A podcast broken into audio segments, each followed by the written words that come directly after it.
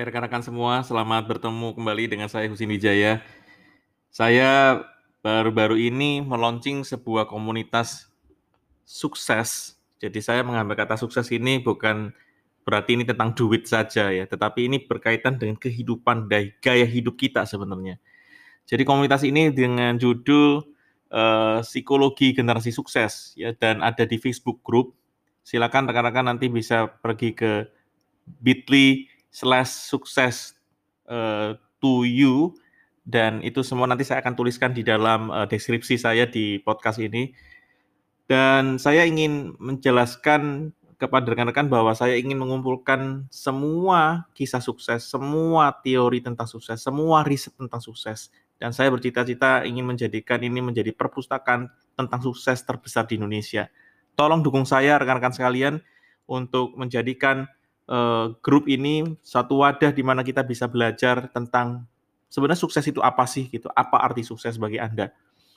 Jadi rekan-rekan sekalian di dalam konteks ini maka saya ingin menjelaskan dari sudut pandang psikologi sebenarnya berkaitan dengan sukses ini dan ada satu kata di dalam psikologi sukses yaitu berkaitan dengan sukses pinbot. Jadi rekan-rekan sekalian Anda tahu kalau Anda ingin membuat sebuah uh, memori gitu ya, Anda ingin membuat satu memorial di dinding Anda. Anda biasanya me, apa me, uh, berusaha untuk menempatkan ya tulisan tulisan-tulisan, mungkin foto-foto uh, di dinding itu dengan dengan melekatkannya dengan sebuah jarum pentul begitu ya. Dan itu adalah disebut dengan pinbot gitu ya. Jadi itu adalah pinbot. Jadi pinbot itu adalah tempat di mana kita bisa menaruh memori-memori kita dengan baik. Dengan sekalian, ternyata sukses itu juga ada ada pinbotnya. Nah, sebelum saya bicara mengenai pinbot itu, maka kita perlu melihat bahwa apa sih sebenarnya sumber daya manusia yang paling berharga jika Anda ingin sukses. Nah, berdasarkan berbagai penelitian yang ada, saya mendapati bahwa setiap kali kalau kita bicara tentang sumber daya yang paling berharga untuk orang-orang sukses adalah waktu. Rekan sekalian, time adalah satu sumber daya yang penting sekali di dalam kehidupan kita. Kenapa begitu? Karena dengan waktulah kita sebenarnya sedang berkejar-kejaran ya dengan apa yang kita cita-citakan. Dengan waktulah kita menggunakannya untuk uh, meningkatkan energi kita, fokus kita kepada sesuatu yang kita inginkan. Rekan sekalian, waktu adalah sesuatu yang tidak bisa kembali, sesuatu yang terus berjalan dinamis dan dia akan menjadi lampau ketika Anda melewatinya. Dan ketika Anda memikirkan ke depan, dia akan menjadi masa depan. Dan ketika Anda melakukannya, maka Anda berada di dalam situasi masa kini. Jadi kan sekalian, jika Anda ingin sukses, maka menurut konsep daripada sukses pinbot adalah dengan mengelolanya gitu ya. Jadi kalau Anda ingin mengelola waktu, maka Anda akan menjadi jadi lebih sukses. Nah, oleh karena itu saya rasa memang pada akhirnya untuk menentukan sebuah sukses itu, maka Anda melihat kondisi waktumu. Kita punya waktu 24 jam masing-masing. Tidak ada satu dua orang istimewa mendapatkan waktu 26 28 jam. No, tidak ada. Semua dikasih waktu sama Tuhan 24 jam.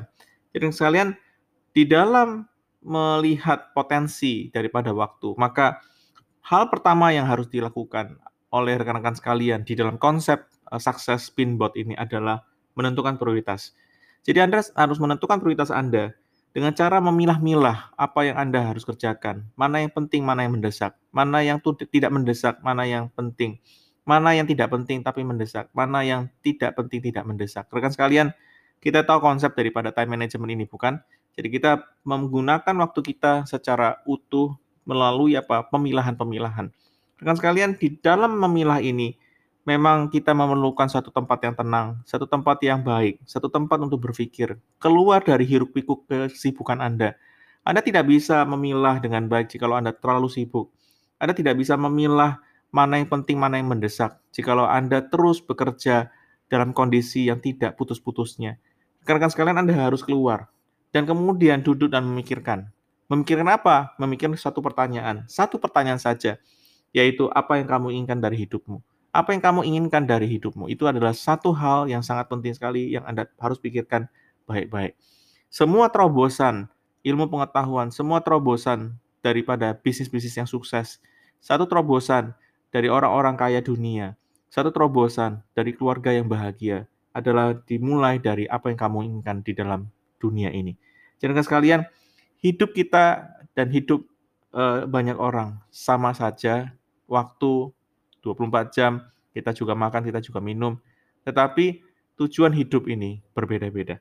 Jadi kan sekalian, kalau Anda merenungkan tentang apa yang kamu inginkan, maka kamu juga harus kemudian menerjemahkannya ke dalam satu habit atau kebiasaan. Jadi ada istilah di dalam success pinbot ini adalah psychological habit. Satu kebiasaan sukses ya. Jadi kalau kita punya satu prioritas dalam hidup kita, anda harus memulai membuat satu kebiasaan-kebiasaan baru atau mungkin kebiasaan-kebiasaan lama diasah untuk menjadi lebih tajam. Untuk apa? Untuk mengejar apa yang kamu inginkan itu, mengejar apa yang Anda tuju itu. Jadi kebiasaan sukses yang paling penting yang saya dapatkan dari berbagai jurnal research dari para rekan-rekan sukses ini adalah the right thinking. Cara berpikir yang benar adalah cara yang paling baik untuk dapat kemudian mencapai tujuan Anda. Kan sekalian, cara berpikir ada yang salah juga. Ada yang salah juga. Kenapa? Ketika Anda berpikir, Anda merasa bahwa itulah yang paling benar. Padahal hari ini, pikiran Anda di antara ribuan jutaan orang, belum tentu Anda kemudian memahami keseluruhan daripada permasalahan itu.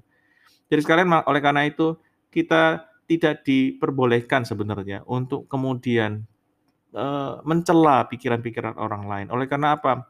Karena pikiran-pikiran mereka dilahirkan dari pengalaman, dilahirkan dari apa yang mereka inginkan sebenarnya. Dan kita hanya sebagai spectator melihat dan mendengar saja. Tetapi sekali lagi, habit ya adalah sesuatu yang bisa dirubah. Personality mungkin susah, tetapi kebiasaan bisa dirubah cara untuk merubah satu kebiasaan yang baik menjadi lebih baik atau kebiasaan buruk menjadi lebih baik atau kemudian mengakuisisi sebuah uh, kebiasaan yang baru, maka Anda harus mempunyai hasrat untuk menekuninya. Anda harus punya passion untuk kemudian terus menekuni apa yang kamu sebut sebagai new habit atau kebiasaan baru. Anda harus berusaha mengakuisisi itu dengan cara tekun dan sekalian tidak ada cara lain. Anda harus tekun untuk kemudian menggunakan step by step, small actions untuk kemudian membuat habit yang baru itu menjadi milikmu. Dan yang paling penting adalah yang berikutnya adalah menjaga pikiran sehat. Rekan-rekan sekalian, Anda harus punya habit untuk menjaga pikiran sehat. Cara untuk menentukan pikiran ini sehat atau tidak adalah kemudian melakukan inclusive leadership, yaitu berkomunitas dengan rekan-rekan untuk apa? Untuk kemudian melihat apakah pikiran kita ini adalah pikiran yang nyeleneh, yang salah, yang barangkali tidak diakui atau tidak diinginkan oleh komunitas. Ketika kita berada dalam satu komunitas, kita tidak kompromi memang, kita punya prinsip. Tetapi ketika prinsip itu salah, maukah rekan-rekan dengan rendah hati untuk kemudian berubah dan menjadi lebih yang baik? Dan yang berikutnya adalah satu habit di mana ketika Anda berusaha semaksimal mungkin, sudah memikirkannya dengan serius, kemudian mengerjakannya dengan uh, dengan sungguh-sungguh, tetapi kemudian gagal, maka itu adalah bagian dari yang kita sebut dengan berani untuk gagal. Gagal bukan berarti konyol, gagal bukan berarti Anda harus mengerjakan banyak hal tanpa pikir, tanpa kemudian dengan bijaksana melakukannya, sehingga Anda mengerjakan banyak hal tanpa kemudian memikirkannya dengan dengan sungguh-sungguh Nah, itu adalah kegagalan yang konyol, bukan? Tetapi yang saya sebut dengan berani untuk gagal adalah ketika Anda memikirkan dengan serius, Anda mengerjakannya dengan kerja keras, Anda gagal. Dan itu ada satu pelajaran penting yang kita perlu ambil untuk kemudian bersama-sama untuk membuat satu sukses pinbot untuk kita di masa depan. Dan yang berikutnya di dalam habit itu adalah berkaitan dengan mengambil inisiatif. Setiap kali kita berhadapan dengan satu situasi tertentu, kita harus mengambil keputusan. Keputusan-keputusan yang kita ambil tidak boleh kemudian kita regret, kita kemudian sesali. Oleh karena apa? Karena semestinya setiap keputusan itu adalah hasil buah pikir, hasil dari karya hatimu ketika kemudian mempertimbangkannya dengan sungguh-sungguh dan kemudian mengambil keputusan.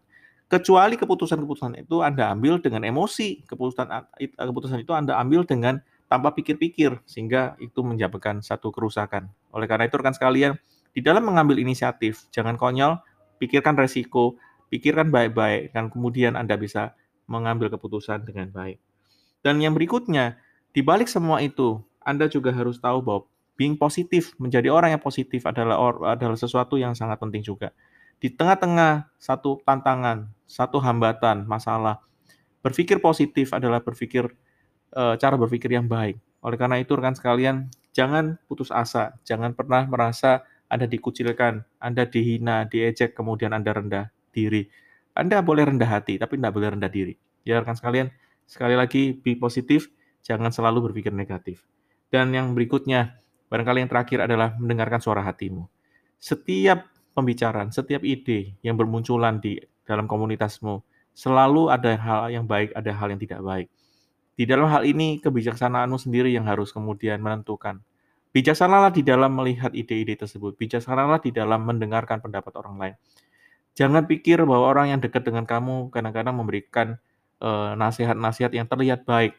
Ya punya niat baik. Kadang-kadang mereka punya niat jahat, tetapi dengan cara memberikan pendapat yang seakan-akan punya niat baik. Jadi rekan sekalian, percayalah dengan suara hatimu. Percayalah dengan apa yang kamu uh, pikirkan, apa yang menjadi prinsip hidupmu. Sehingga dengan demikian, pikiran sehat itu dapat dijaga dan selalu berpikir positif untuk apa? Untuk kemudian mempertahankan diri di dalam situasi-situasi di mana ide-ide jelek masuk di dalam konteks-konteks yang yang terlihat sangat baik. Jadi kan sekalian, sebagai penutup, di dalam konsep sukses winbot ini adalah gunakanlah waktu dengan optimal. Sekali lagi, inilah kunci sukses dari semua orang sukses di dunia. Tanyakanlah kepada orang sukses di sekitarmu, dan mereka selalu mengatakan sumber daya yang terbaik adalah waktu. Optimalkan waktu Anda dengan baik-baik, berpikir dengan sehat, selalu positif, mengambil inisiatif dengan baik, dan selalu kemudian melihat konteks-konteks dalam kehidupanmu untuk berjalan seiring dengan sukses itu untuk menjadi orang yang lebih sukses dan lebih bahagia. Dengan sekalian, terima kasih atas kesempatan bersama-sama dengan saya Husin Wijaya. Please join uh, my Facebook group ya. Jadi silakan join Facebook group saya di uh, bit.ly slash sukses to you. To-nya itu uh, pakai uh, dua gitu ya, uh, dua kemudian U gitu ya. Nah, saya akan tuliskan di deskripsi podcast. Silakan rekan-rekan sekalian uh, melihatnya. Tetapi jika anda ingin follow saya di Instagram, silakan ke Husinw ya, H U S I N W, H U S I N W. Semoga kita bisa bersama-sama membentuk satu komunitas yang lebih kuat, belajar tentang sukses dari sisi yang lebih akademik, yang lebih saintis, bukan sekedar motivasi-motivasi yang membakar hati, tetapi saya akan mengajarkan pada rekan-rekan, men-sharingkan kepada rekan-rekan bagian-bagian daripada hasil-hasil penelitian yang empiris untuk Anda gunakan menjadi lebih sukses. Salam bahagia untuk Anda semua. Sampai jumpa dengan saya Husin Wijaya.